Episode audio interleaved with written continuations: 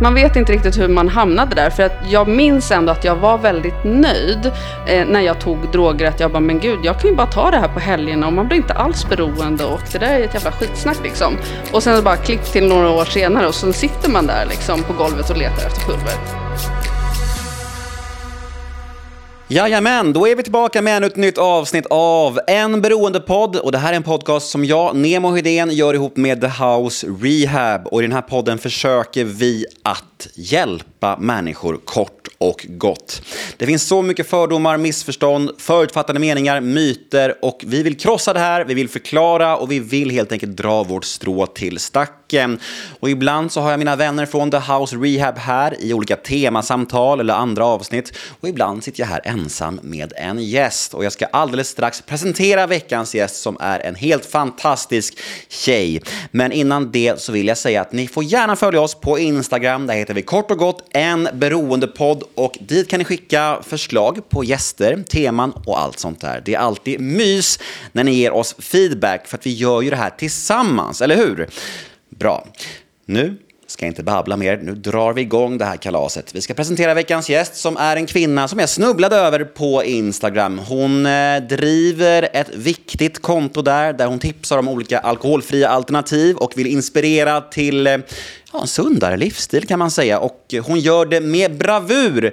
Och jag blev så glad när jag såg hennes konto och när jag också förstod att hon har varit nykter i många år, då kände jag bara att hon är ju given som gäst i en beroendepodd. Och nu sitter hon här till vänster om mig. Vi säger varmt välkommen till Alexandra Holm. Välkommen hit! Tack så mycket! Hurra! Yay! Hur mår du? Jag mår bra.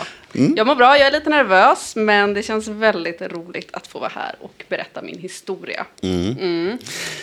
Är du bekväm med det? Eller hur har tankarna gått kring det här med att vara öppen kring din historia? För att du har varit nykter länge, längre än mig till och med. Precis. Jag har varit nykter i 11 år, eller 11 och ett halvt år nästan nu och är drogfri eh, från allt, eller från allt förutom alkohol i typ 13 år. Så att, men jag räknar ju liksom att 11 år från alkohol och droger. Och eh, det har ju varit en resa som jag har varit lite olika mycket bekväm med att vara öppen med. Eh, jag har ju i och med mitt konto gått ut med att jag är nykter och pratat en del om hur liksom alkoholen har ställt till det för mig. Men sen har jag inte känt mig helt bekväm med att berätta resten av min historia fram tills för ganska nyligen. Eh, för jag brukar säga det som så att jag har gjort två resor. Eh, först slutade jag med alla andra droger och sedan så slutade jag med den sista drogen som var alkohol för mig. Så att det har varit eh, lite speciellt. Och Eh, jag vet inte varför jag har varit liksom mer bekväm med att gå ut med att jag bara har haft ett problematiskt drickande än att jag faktiskt har missbrukat och varit beroende av olika droger i perioder i mitt liv.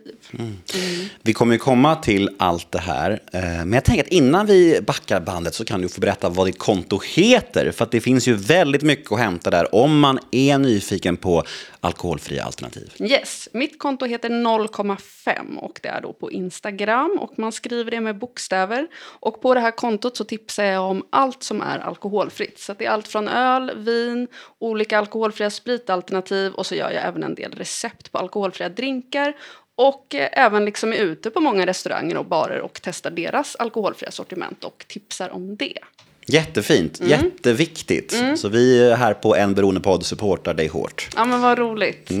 Ja, Vi ska ta oss en sväng down memory lane nu. yes. Vi ska backa bandet och prata om din eh, historia. Ja.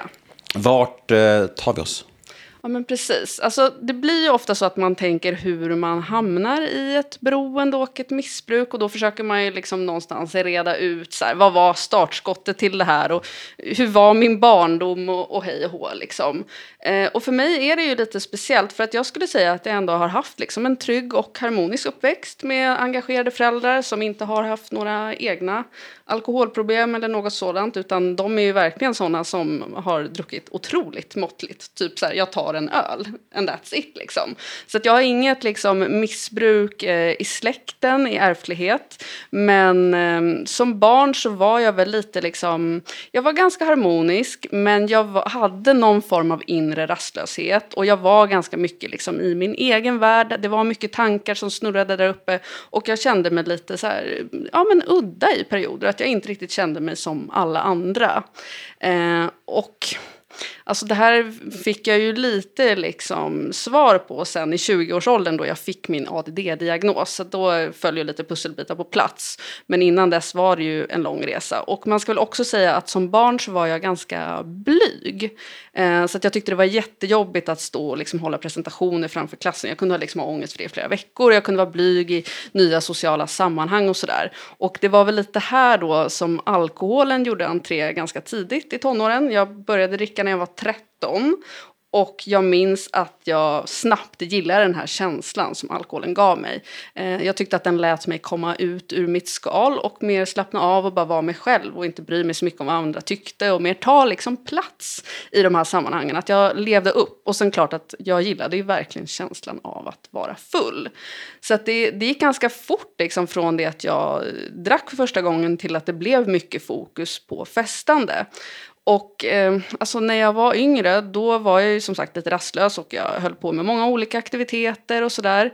Eh, så att det, du vet, det var dans, det var tennis, det var golf, det var basket, det var jutsu. Det var nästan en ny aktivitet varje halvår eller år. Så att jag var ju rastlös och jag sysselsatte mig med de här grejerna. Men så fort alkohol kom in i bilden så liksom fejdade ju allt annat bort egentligen. Fan vad jag känner igen det där mycket. Ja, ja. Det är så intressant. Ja. ja. Men jag tycker det är fint också det här, du, du pratar om det här med att ni inte hade anlag för det här mm. i familjen. Mm. Och det är ju viktigt att snacka om det, för mm. jag tror många tänker att ah, det måste finnas en förklaring, det måste finnas mm. genetik bakom. Men här sitter du eh, som faktiskt hade ja, men de bästa förutsättningarna på ett sätt ju, och ändå utvecklade sjukdomen. Exakt. Men det intressanta med det är ju att eh, folk brukar snacka om eh, vad som gör oss extra sårbara att utveckla beroende. Mm. Och då snackas det ofta om genetiken och NPF-diagnoser. Ja. Så du hade ju en av dem i alla fall. Ja, det, ja. precis. Eh, och det, man, alltså jag var ju väldigt, i min tonår var jag väldigt kicksökande. Så att liksom förutom det här med alkohol så var jag ute och målade graffiti på nätterna. Var väldigt inne liksom i det. Det var ju också någon form av spänning liksom och man snattade grejer. Och, och det var ju inte för att jag inte hade råd egentligen utan det var ju mer ett kicksökande beteende. Mm. Eh, och sen som sagt blev det ju mycket fokus på fest och jag, eh, alltså jag växte upp på Lidingö, kände inte riktigt att jag passade in där så mycket så att jag jag drog mig ut till stan och jag var ganska så alternativ i min tonåring så jag hade liksom en lång punkperiod. Så jag träffade ju andra liksom med gemensamma stilar och musiksmak och sånt och som också gillade att, eh, att festa. Så att från att jag var liksom 13 år så var jag ute, ute över halva stan liksom i olika festsammanhang och umgicks med folk som gillade att typ festa en hel helg. Alltså det, det, var, man började liksom på fredagen och sen så när man vaknade upp på lördagen då sa man nej fan vad jobbigt att vara bakis, vi kör en gång till. Liksom. Så mm. höll helgerna på sådär och sen till viss del även vardagarna. Minns du hur dina föräldrar såg på det här? För att de var ju ändå måttliga, upp, mm. uppstyrda föräldrar mm. låter det som. Mm. Var de Absolut. oroliga för dig?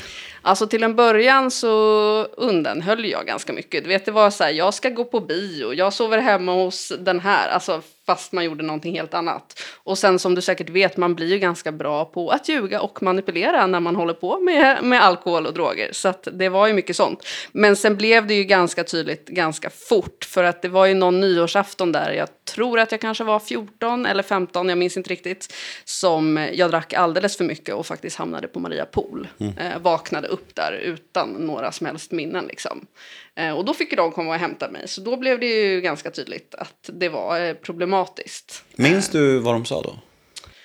Nej, alltså det var väl mer att de, de blev nog rädda och jag tror att de var så här, nu får du ju verkligen tänka på det här och det här med alkohol är inte bra. Och sen fick ju jag gå och prata med någon liksom ett tag där, men ja, det var ju inte det var inte mycket jag lärde mig av den situationen tyvärr. jag man... önskar att jag kunde säga att jag liksom slutade dricka då eller mm. inte festade, men så var det inte. Man är väl inte jättemottaglig kanske när man är 14-15 år, tyvärr, nej, oftast. Nej, nej, exakt. Men efter den här incidenten, hur tar ditt liv eh, sig i riktning? Ja, nej men det är ju fortsatt mycket fokus på festande. Samtidigt så eh, liksom går jag i gymnasiet och där är det ju också lite liksom, eh, det är lite stökigt. Eh, jag tror jag har gått i totalt fyra olika gymnasieskolor och alltså för mig har det varit så här att de ämnena som jag tycker är intressanta i, de har alltid gått väldigt bra i. Men det som jag tycker är tråkigt, det har jag totalt failat i. Men jag... Så jävla ADHD. ja, exakt. Jag skulle kunna sitta här och säga, jag känner igen mig, jag känner Ja. igen mig, jag känner igen mig. Det är Allting. För check på den, Ja, men liksom. det är ju så för Ja. oss. Det är så. Vi blir oftast jättebra Ja. på det som vi är intresserade av, men resten bara tjoff, Exakt. försvinner. Liksom. Men när du säger att du bytte skola fyra gånger, berodde det på flyttar eller på att du var stökig? Nej men det var stökig. och det var, det var när jag skulle börja gymnasiet, då hade ju den här stökiga perioden börjat och då var det ju liksom att jag började någonstans men jag trivdes inte där så då bytte jag till nästa. Och sen så slutade det med att jag faktiskt hoppade av gymnasiet och hamnade efter ett år och fick tenta av massa ämnen. Men sen kom jag till en gymnasieskola eh, som hade lite mer förståelse för det här med ja, men att folk var olika och psykisk ohälsa och sådär. Så att när jag kom dit så lyckades jag ändå liksom vända och få väldigt bra betyg och få liksom en gymnasieexamen bara ett år senare. Men det var lite som att jag levde lite dubbelliv för det var mycket fokus på alkohol och droger under den här tiden. Eh, samtidigt som jag ändå liksom lyckades prestera i skolan på något sätt. Eh, så. Eh, och det som var var ju att ja, men det började med alkohol men ganska tidigt kom ju även andra droger in i bilden. Och som så många andra så var det ju typ att man testade att röka på till en början. Men det var liksom aldrig någonting som jag fastnade för. För att jag blev ofta typ nojig av det. Jag tyckte inte att det var så nice. Eh, men sen så kom ju amfetamin in i bilden ganska tidigt också. Och eh, det var ju en härlig känsla. Och det var ju många fester som man liksom fyllde med det. Och det var kul att känna sig väldigt liksom fokuserad och ja, men kunna vara uppe hela nätter och sitta och snacka liksom. Hur gammal var du då? Ja, men då var jag väl, ja det här är lite svårt att svara på, men jag tror att jag var typ 14, 15 någonting. Ehm, och liksom de första åren i min festkarriär, eller vad man ska säga, det var inte så att jag tog liksom saker dagligen, utan det var mycket i festsammanhang. Det var ju först liksom några år senare som det verkligen blev eh, liksom ett, ett riktigt beroende av allting. Eh, men amfetamin var aldrig någonting som jag liksom tog dagligen, utan det var på olika fester. Jag gick en del på rave och sådär, och man var uppe och dansade hela natten och åkte till Berlin och klubbade liksom. Eh, och sen Ja, sen hade man AT och sen tog det några veckor innan man kände för att ta det igen.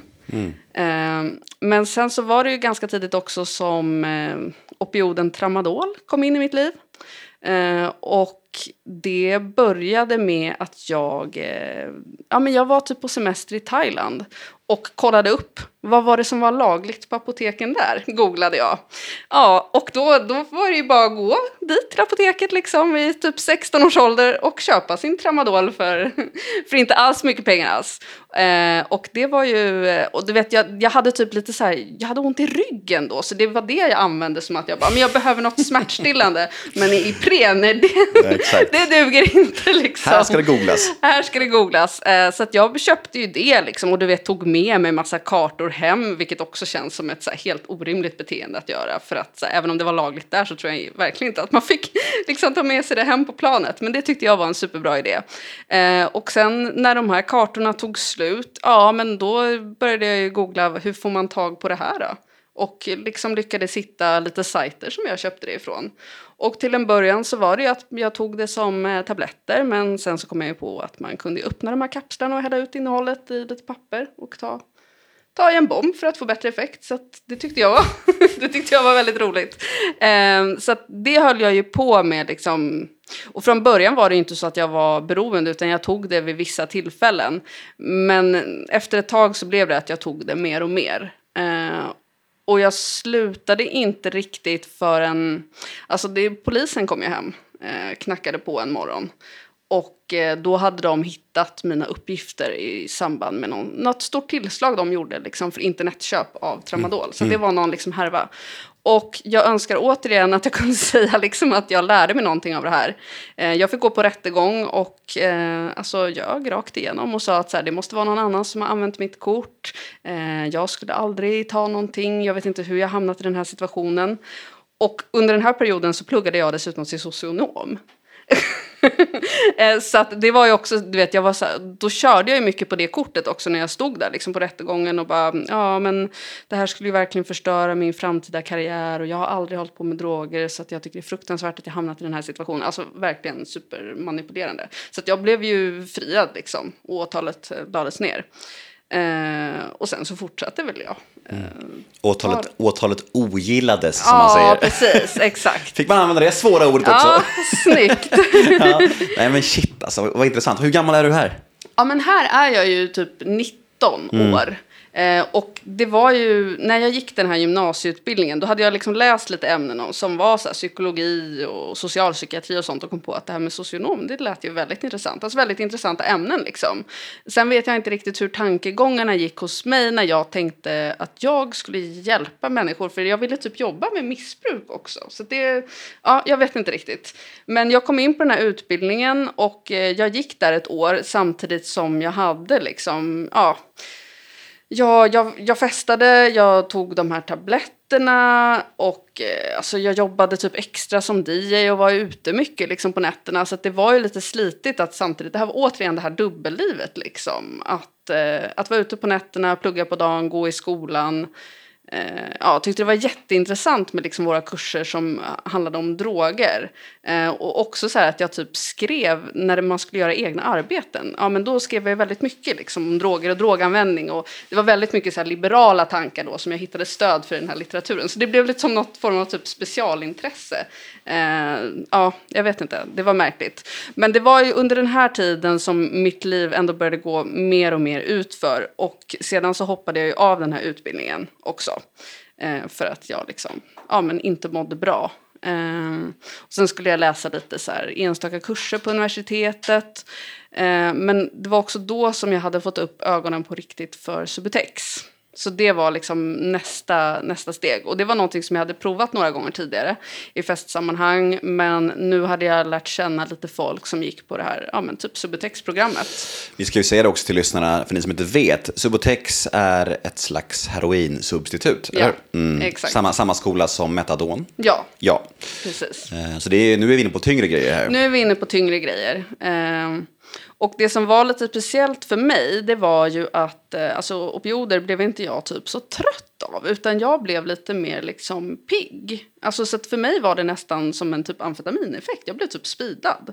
Eh, så att jag tyckte att det var väldigt nice, för att till skillnad från amfetamin så fick man ju inte den här avtändningen av Subutex innan man blev beroende av den såklart.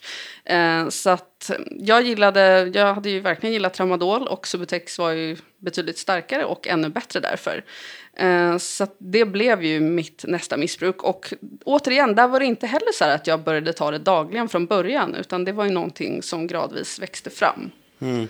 Men är inte det själva grejen då med just beroendesjukdomen och riskbruk och så Jo. att man liksom, det blir stegvis, Ja. stegvis, man nästan glider in i det utan att man knappt märker det. Mm. Det här etiska och moraliska förfallet, hur man bara skjuter fram gränserna hela tiden Exakt. för vad som är normalt. Ja, precis. det är classic. Exakt, man vet inte riktigt hur man hamnade där. För att jag minns ändå att jag var väldigt nöjd eh, när jag tog droger. Att jag bara, men gud, jag kan ju bara ta det här på helgerna och man blir inte alls beroende och det där är ett jävla skitsnack liksom. Och sen bara klipp till några år senare och sen sitter man där liksom på golvet och letar efter pulver. Alltså, När man kan sluta så vill man inte, men när man sen vill sluta då kan man inte.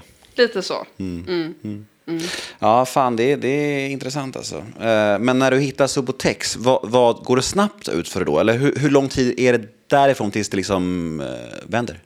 Ja, men det är ju ett antal år. Jag skulle säga att det är två, tre år. Och den här perioden är så himla rörig för mig för att jag mådde väldigt liksom, psykiskt dåligt under den här perioden. Jag är sjukskriven, jag äter antidepp, jag äter starka sömntabletter, alltså Stilnoct som är en beroendeframkallande sömntablett eh, som jag också missbrukar till viss del. Liksom, istället för att gå och lägga mig så är jag uppe på den här och liksom, det händer massa roliga grejer. Man får hallucinationer och det är extra kul om man typ kombinerar den med lite öl. Och, ja. Så det, det är mycket liksom, substanser i, i bilden här. Och det jag ska säga är väl också ehm, under den här perioden så har alkoholen eh, typ fejdat ur mitt liv. Den är liksom inte i fokus och den är inte intressant utan jag har hittat mycket bättre grejer.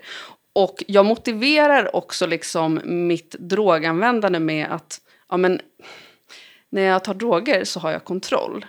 Eh, men när jag dricker, för det är det som är grejen med att när jag dricker alkohol och dricker för mycket av det, vilket ofta händer, då tappar jag kontrollen och jag brukar beskriva det som att jag checkar ut och någon annan checkar in. Eh, och då händer ju en massa obehagliga saker eh, som man inte kommer ihåg eller man bara vad fan har jag gjort liksom. Eh, så att när jag börjar ta droger då känner jag att, så här, att men jag är fortfarande mig själv. Men jag är hög, men jag har koll på läget. Jag, alltså, det är klart att jag inte är mig själv liksom fullt ut för att jag är ju en missbrukare. Men i mitt huvud så tycker jag att jag har kontroll och det händer inte massa konstiga saker. Liksom. Eh, så därför blir ju alltså just opioider liksom en, mycket bättre drog för mig, så som jag resonerar. Eh, Men jag tror många känner igen sig Ja. där, just där att eh, al- alkohol kontra många olika sorters droger. Man blir ju mer skärpt av många Mm, droger och med matchen mer.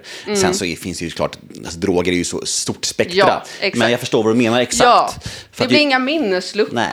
och Nej. man vaknar inte upp någonstans och undrar vad som hänt för man har ju varit uppe hela natten Ja, och haft koll på Du läget. sov ju aldrig. exakt. Sen ska jag väl säga liksom att alkohol har ju försatt mig i jättemånga farliga situationer eh, men det har ju såklart droger också gjort. För att Ja. jag menar, vill man ha tag på Subutex och eh, ja, man helt plötsligt inte får tag på sin kontakt då måste man ju ge sig ut och hitta någon annan som säljer och det, det gör ju att man hamnar i massa konstiga sammanhang med folk man inte vill ha kontakt med.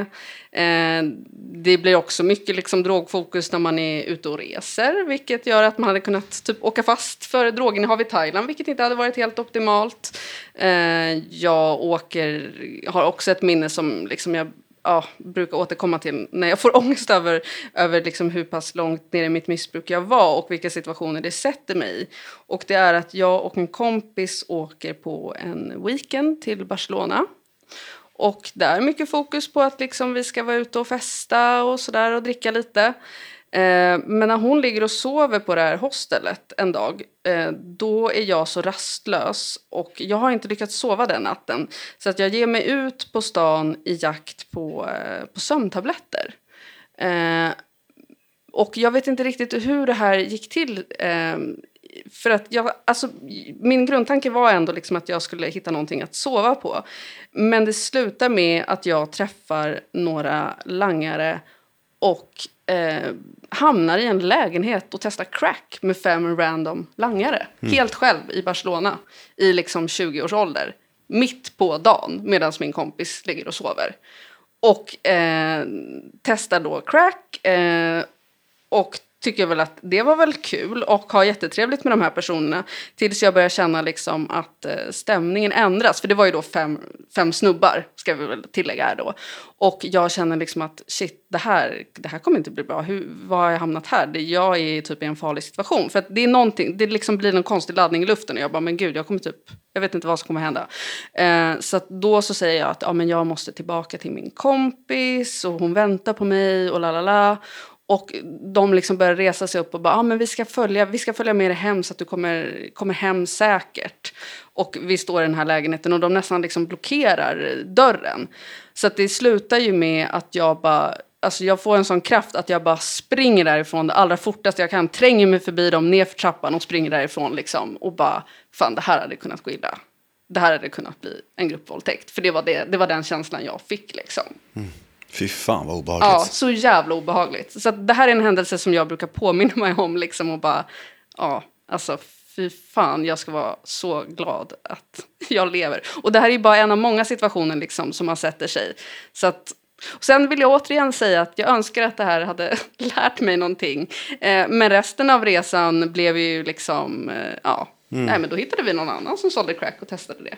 Jag vet, det där är märkligt när man tittar tillbaka på sina värsta konsekvenser och sina mest obehagliga situationer. Hur man liksom inte, man kan inte få ihop det att Nej. det inte blev vändpunkten. Nej, exakt. Det är så många tillfällen till vändpunkt som jag har haft. Ja, jag vet. Så här, vad, hur? Alltså jag kan inte förstå det idag. Nej. Hur kunde jag inte bli rädd? Jag fattar inte. Jag, jag slås av det varje gång jag står och föreläser och drar min story och bara så här berättar om kompisar som har dött och psykoser Ja. och så här.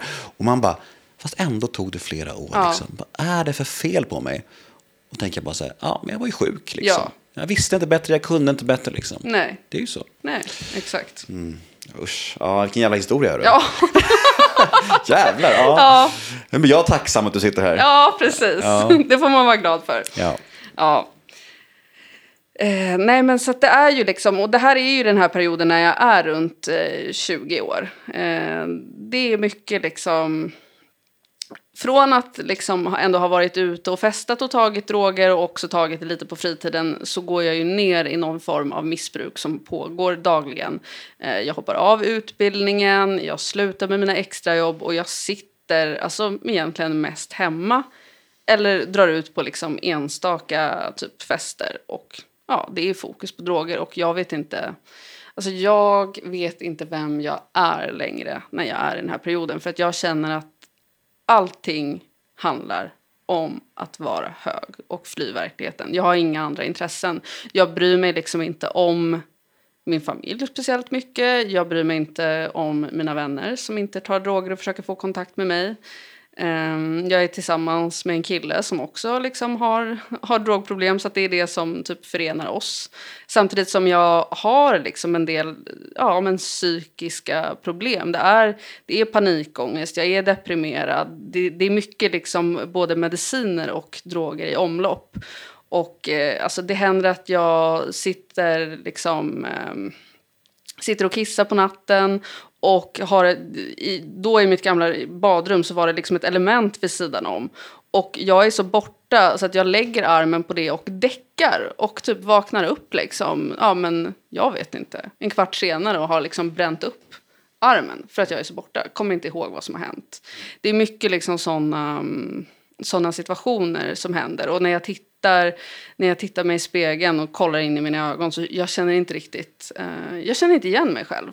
Eh, det börjar liksom gå mer och mer eh, utför hela tiden.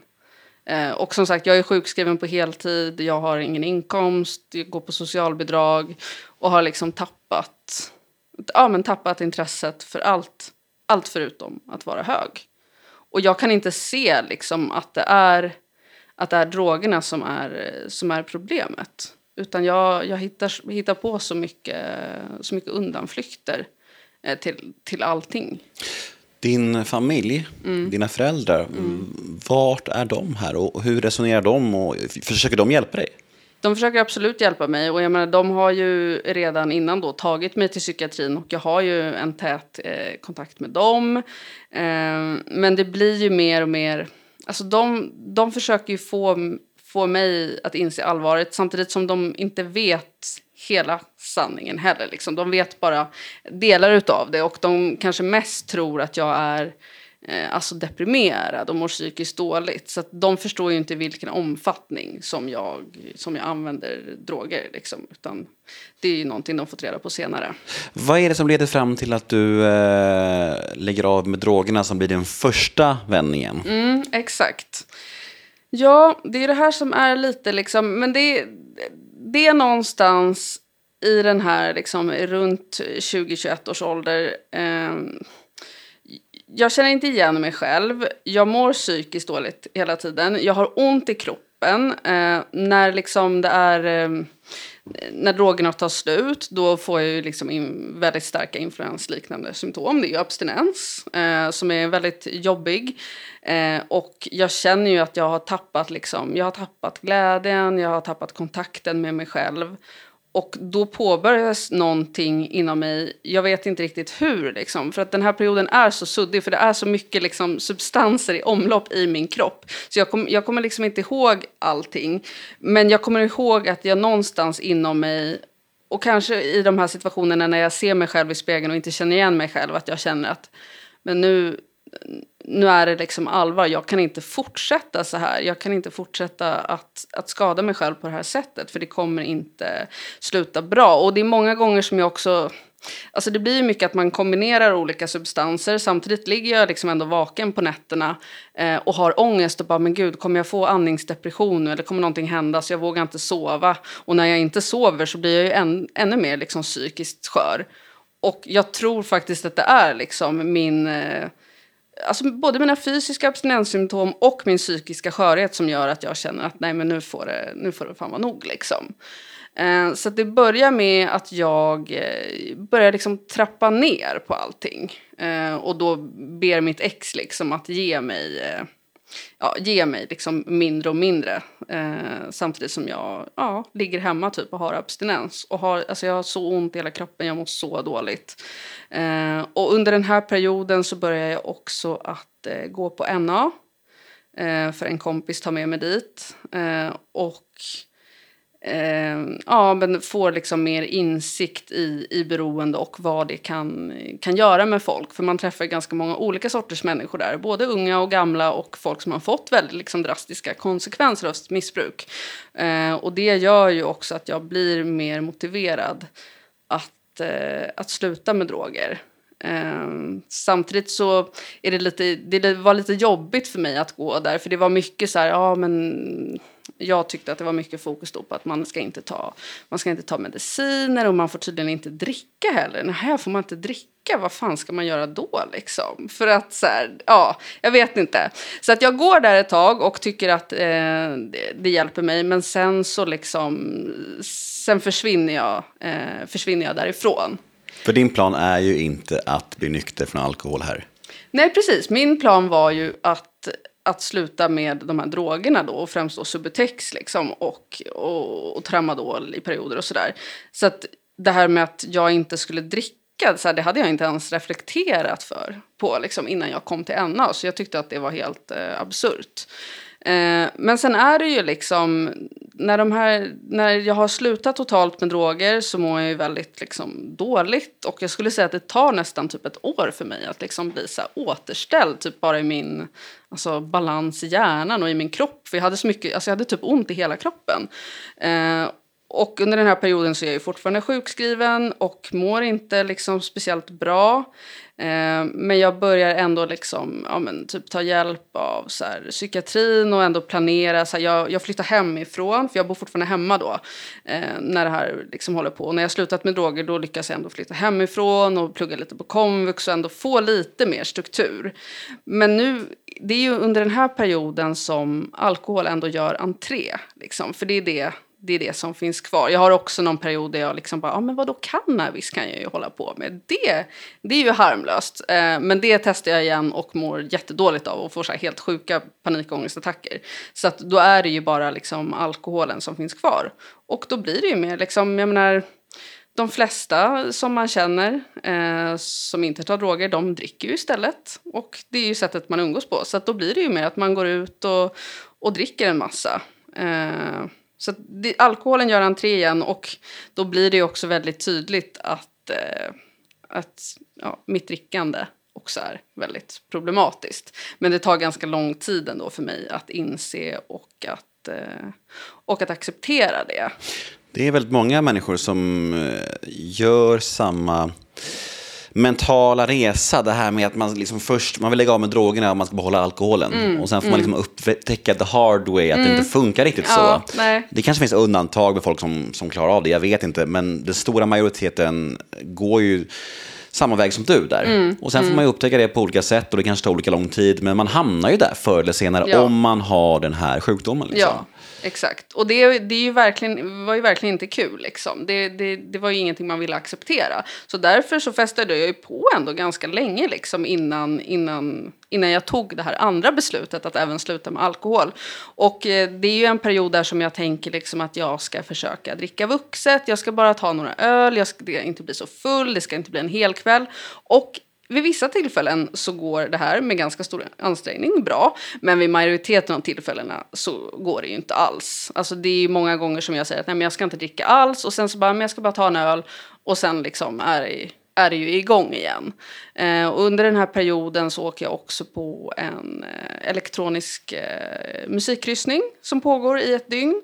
Eh, och där var ju också planen att jag inte skulle dricka så mycket men där blev jag ju så extremt liksom full och du vet jag är uppe jag är uppe på scenen och dansar. Jag får se liksom filmer dagen efter när jag typ festat hela natten natten, jag tappar bort mina skor i någon hytt, jag hittar inte tillbaka till min hytt. Och dessutom så kommer min mamma och hämtar mig och min kompis i Värtahamnen och jag kommer då och möter henne utan skor, fortfarande full. Det var ju ingen kul liksom, situation. Eh, och jag skulle väl säga att där blev det ju någon form av vändpunkt, att jag tänkte att jag eh, skulle kanske må bra av att inte dricka alls.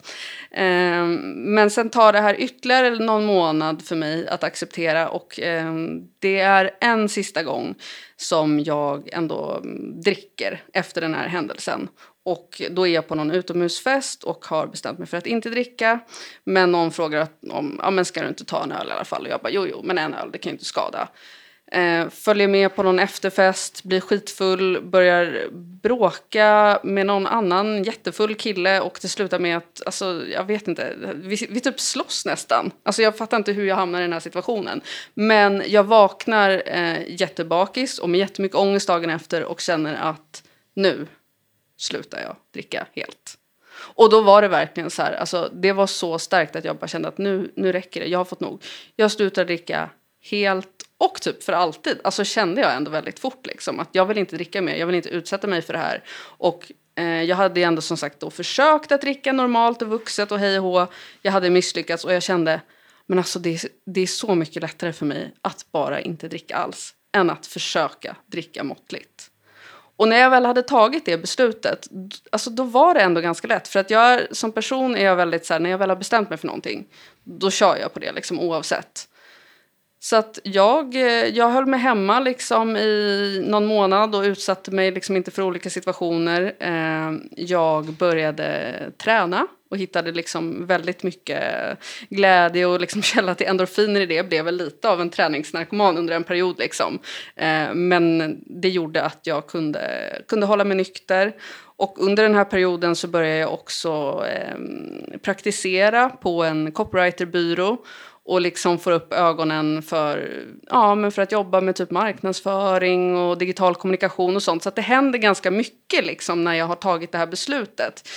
Jag blir mycket mer hälsosam, eh, jag mår bättre, jag slipper alla de här ångestsituationerna. Eh, det blir ju också liksom, för där i slutet, självklart hände det liksom att när jag hade slutat ta eh, andra droger eh, men ändå festade så kunde det då hända att ja, men det, blev, det blev någon lina här och där liksom. Eh, och jag kände ju också att så här, ja, men alkoholen är ju verkligen inte min favoritdrog så att Alltså hade jag inte slutat med den så hade jag väl antagligen börjat knarka igen faktiskt. För att alkoholen, ja, det, det var ju mer liksom, ja det är det enda jag har kvar. Så. Lite så liksom.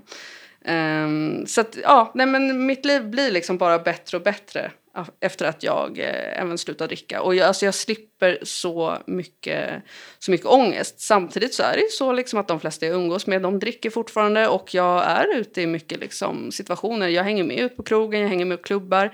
Jag åker på en eh, musikfestival i Kroatien eh, Eh, med ett gäng kompisar som jag hade bokat resan med när jag fortfarande drack. Eh, och det blir ju verkligen också mitt, eh, mitt eldprov för att vi är där i två veckor och alla andra dricker och knarkar i princip hela den här tiden medan jag är nykter. Eh, men jag har väldigt roligt där. Jag, liksom tycker, jag blir så stärkt i att så här, jag missar inga av DJsarna jag vill se. Jag orkar dansa hela natten men är ändå typ fräsch dagen efter medan alla andra är helt förstörda. Och jag blir, alltså jag blir typ så hög på livet under den här perioden. Och då känner jag också när jag åker hem därifrån att jag känner att ja, men klarar jag det här, klarar det att vara nykter nu, då klarar jag vad som helst. Mm. För att det, det var så nära inpå då, men jag var ändå så liksom fast bestämd att hålla hålla mig vid mitt beslut. Hade du ett nätverk runt omkring dig som var supportande här? Eller var det mer så att folk tyckte du var lite tråkig, som hade blivit nykter och så? Eller, jag tänker på den här resan mm. Kroatien, de som mm. du reste med, var de så här, fan vad bra och stark du Eller var de så här, kom igen, kör lite? Alltså de var ju lite frågande från början och var så här, men vadå, ska du inte ens dricka några öl? Eh, och sen så tyckte väl de kanske att det var lite jobbigt att de var fulla och höga medan jag var nykter liksom. Men det var, en, det var ju ingen som försökte få mig att att liksom köra ändå utan när de märkte att jag var, eh, hade beslutat mig så accepterade de ju det. Men sen var det ju blandade reaktioner bland mitt umgänge för jag var ju ganska liksom, ung när jag slutade dricka. Eh, alltså, jag är 35 nu och slutade dricka för 11 år sedan så jag var i 24-årsåldern. En period då många ändå liksom fortsatt har det här med att man är ute och festar mycket och det är det sättet man umgås på. Så att jag tror att många inte trodde att jag skulle vara nykter för alltid utan mer att det här var liksom en, en period. Jag skulle ta en vit månad eller ett vitt år eller något sånt. Eh, så att jag tror att, ja, jag vet inte, det var, det var ju lite jobbigt liksom att att alla andra drack ändå, kommer jag ihåg. Eh, samtidigt så hade jag ju liksom en kompis som hade slutat med droger och alkohol då. Och vi var mycket så här, vi var ute och fikade, vi var och tränade. Jag gick eh, i terapi och psykiatrin och bearbetade en del saker. Och jag hade ju väldigt mycket stöd liksom från min familj. Och också att jag fick då, jag praktiserade på den här copywriterbyrån då och fick liksom eh, rutiner och ett, och ett mer vardagligt liv liksom. Eh, och sen under den här perioden då som jag ja, praktiserade så fick jag ju upp intresset för liksom digital marknadsföring och hittade, hittade en utbildning till webbkommunikatör som jag sökte och kom in på.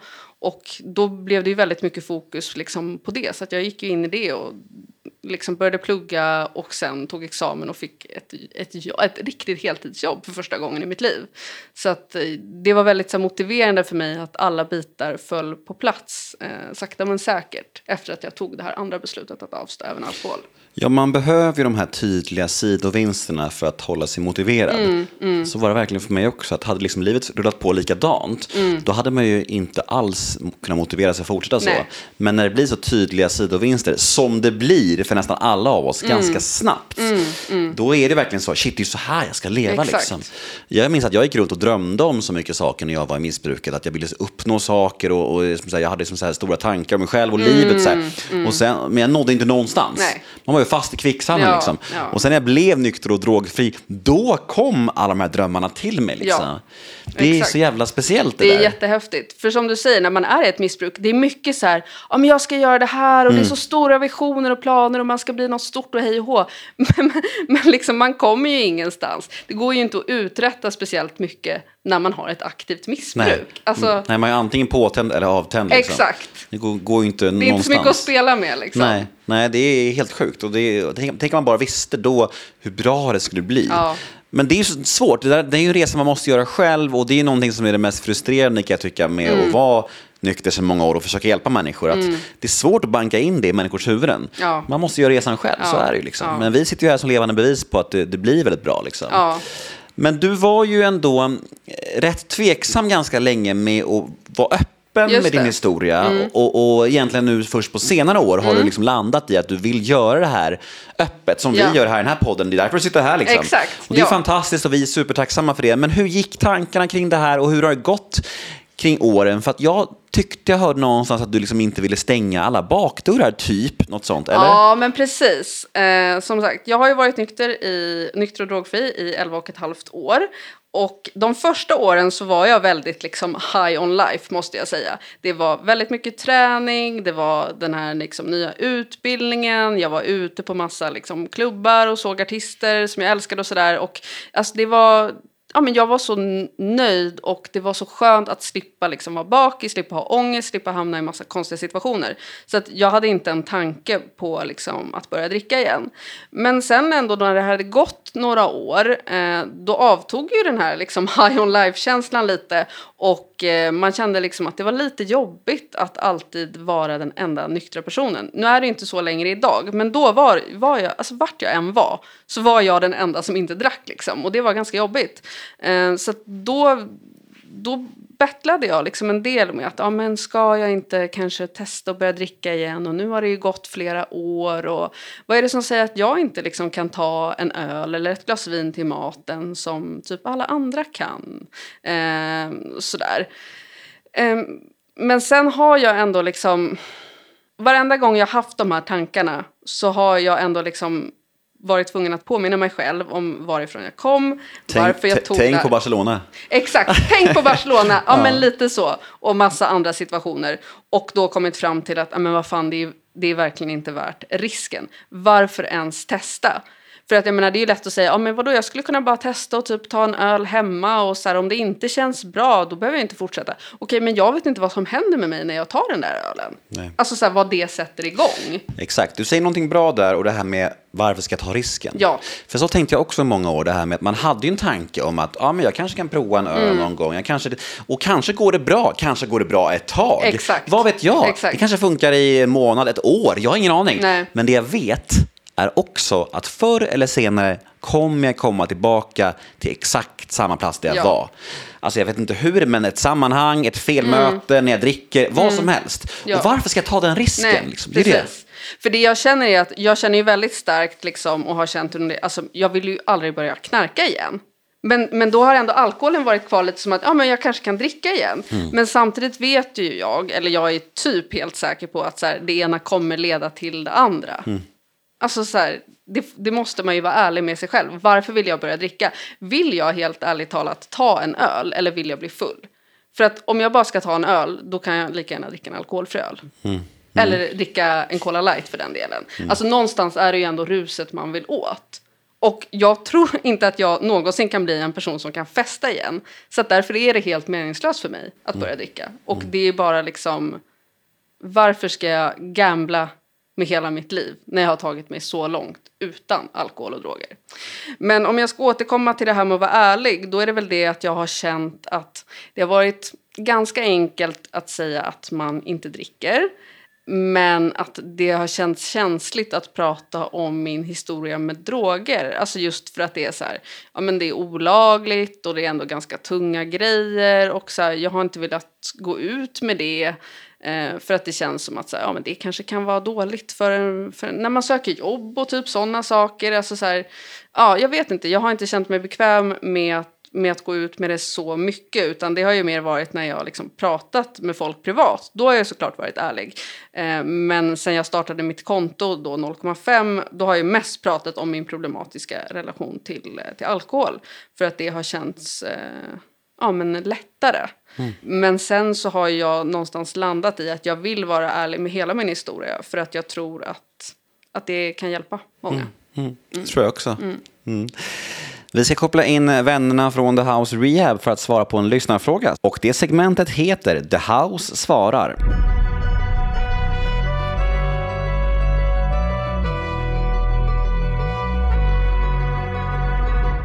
Ja, nu ska vi ta tag i en lyssnarfråga igen och jag har fått hjälp eh, av mina vänner och kollegor från The House Rehab, Felix och Robert. Tjena Nemo! Busigt sagt. Tjena Robert! Hej hej! Hej, hej, hej! Hur mår ni idag? Jo, jag mår Ganska fint. fint. Hur mår du? Ja, men jag mår bra. Eh, Det ska bli kul att svara på den här frågan för att det, eh, jag tycker att den var intressant. Vi kör. Hej, jag har börjat gå på tolvstegsmöten tack vare er. Tack, då får man ju säga. Fint. Ja, vad fint att höra. Verkligen fint. Kul att podden gör det den ska. Verkligen. Eh, Och det är helt fantastiskt. Men jag har funderat på en grej. Man hör ofta uttrycket tid spelar ingen roll i de här rummen. Jag tycker tid spelar jättemycket roll. Vad anser ni om det uttrycket? Alltså det där är ju... Jag kommer ihåg när jag hörde det där i början av mitt egna tillfrisknande i 12 steg. Och då tyckte jag att de snackar skit. Tid är ju allt. och det är ofta så det känns i början när man är där inne liksom med de brickorna som man får och liksom det här lilla, ja i alla fall för mig den här lilla tävlingen och verkligen achievementen som det är att ta brickor och få tid. Vad som menas med det där är ju att bara för att du har åtta år, eller 12, eller 6, eller 5, eller 25 så betyder det inte att du just lever ett tillfrisknande. Det enda som styr ifall du lever i tillfrisknande eller inte är ju ifall du arbetar programmet eller inte. Och det är ju det som är kopplat till det här med tid, det är just att någon som har varit i programmet i åtta månader, i sex månader, kan ha ett bättre tillfrisknande just idag än vad någon med tio år har. Och det är lite det att tid styr inte allt i fråga om hur du mår, hur ditt liv är etc. etc. Utan någon som har tio år kan vara supernere liksom. Mm. Medan någon med sex månader kommer in ashyped liksom och livet leker. Ja, men, och framför, framförallt så är det väl viktigt att, att vi kan insjukna om vi inte gör som Felix säger, sköter vårt program. Jag kallar det här för att sköt, sköta min själsliga hygien. Den behöver jag sköta på en hyfsad daglig basis.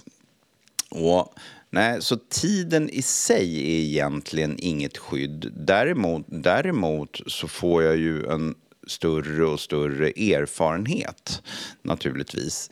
Eh, eller kanske framför allt om jag nu fortsätter leva i tillfrisknande, för det är precis som du säger Felix, bara för att jag har åtta år så kanske jag fortfarande är, är rätt sjuk. Eh, om, jag inte sköter, om jag inte sköter mitt program eller min själsliga hygien.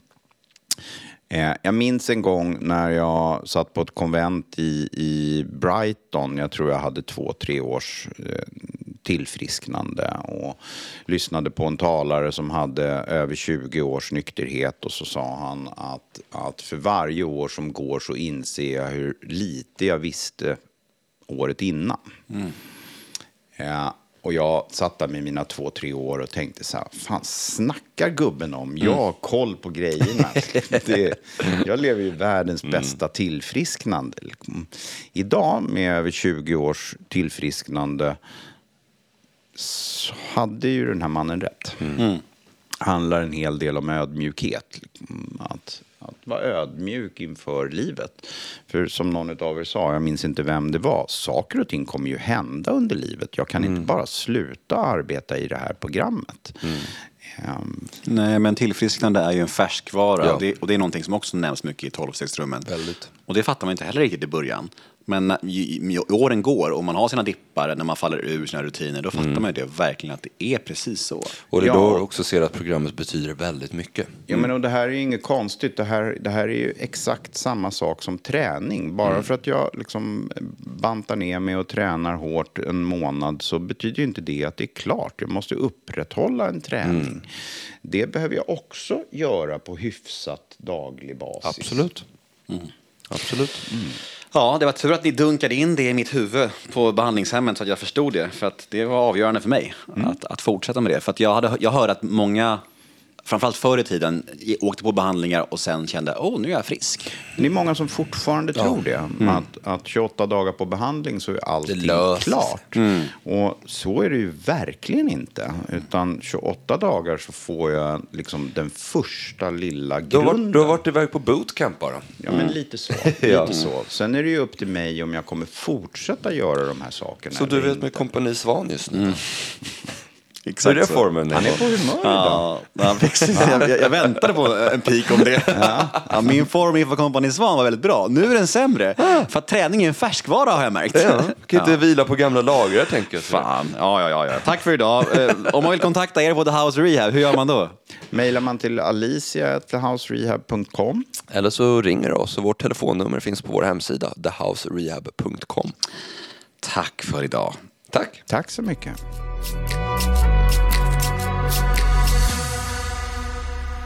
Mm, tack The House och tack du med din kloka lyssnarfråga. Hoppas du känner dig tillfreds med ditt svar. Jag sitter här med eh, Alexandra och vi har eh, fått eh, doppa tårna i hennes otroligt spännande livshistoria och hur hon tog sig från stök och bök till där hon sitter idag. Hur känns det så här nu efterhand då? Du var ju lite nervös innan. Nej, men det känns bra. Jag tycker att det är skönt att, att prata om det här och vara liksom ärlig med hela, hela livshistorien. Faktiskt. Jag tycker att det känns bra. Jättefint att höra, för jag tror att den är viktig, din historia, av många skäl, som jag också nämnde tidigare i podden, att den är ju speciell på många sätt och, och eh, den behövs höras. Och eh, vad ligger i pipen nu? Du tuffar på med eh, 0,5an. Ja, men precis. Eh, Jag eh, testar allt alkoholfritt och tipsar mycket om det. Jag vill ju inspirera folk, både folk som är nyktra av olika skäl, men även andra som ändå dricker alkohol, att faktiskt eh, våga byta ut delar av sitt intag mot alkoholfria alternativ. För att det finns väldigt mycket goda goda saker nu. Eh, och till skillnad från när jag slutade dricka så finns det ett helt fantastiskt utbud av i princip allting. Och det är någonting jag vill inspirera kring. Ja, alkoholfria alternativ har jag verkligen eh, alltså, förändrats totalt senaste åren och det är ju jättefint och det är vi så glada över. Det är ju roligare på så sätt att vara nykter. Verkligen. Det är roligare på alla sätt. Men om man vill eh, kolla in den världen så finns det ju ett stort utbud nu. Absolut. Och jag råkar veta att du också är i uppstarten eh, för att kliva in i vår värld. Att det ligger en podd i pipen. Precis. Du kan ju slå ett slag för den kanske också, att folk håller ögonen öppna liksom.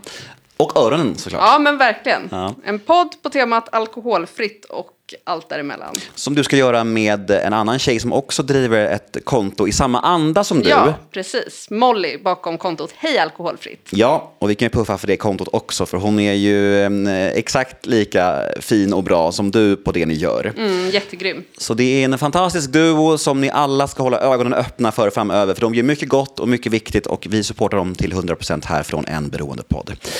Ja, Alexandra, ska vi säga så eller? Mm, absolut.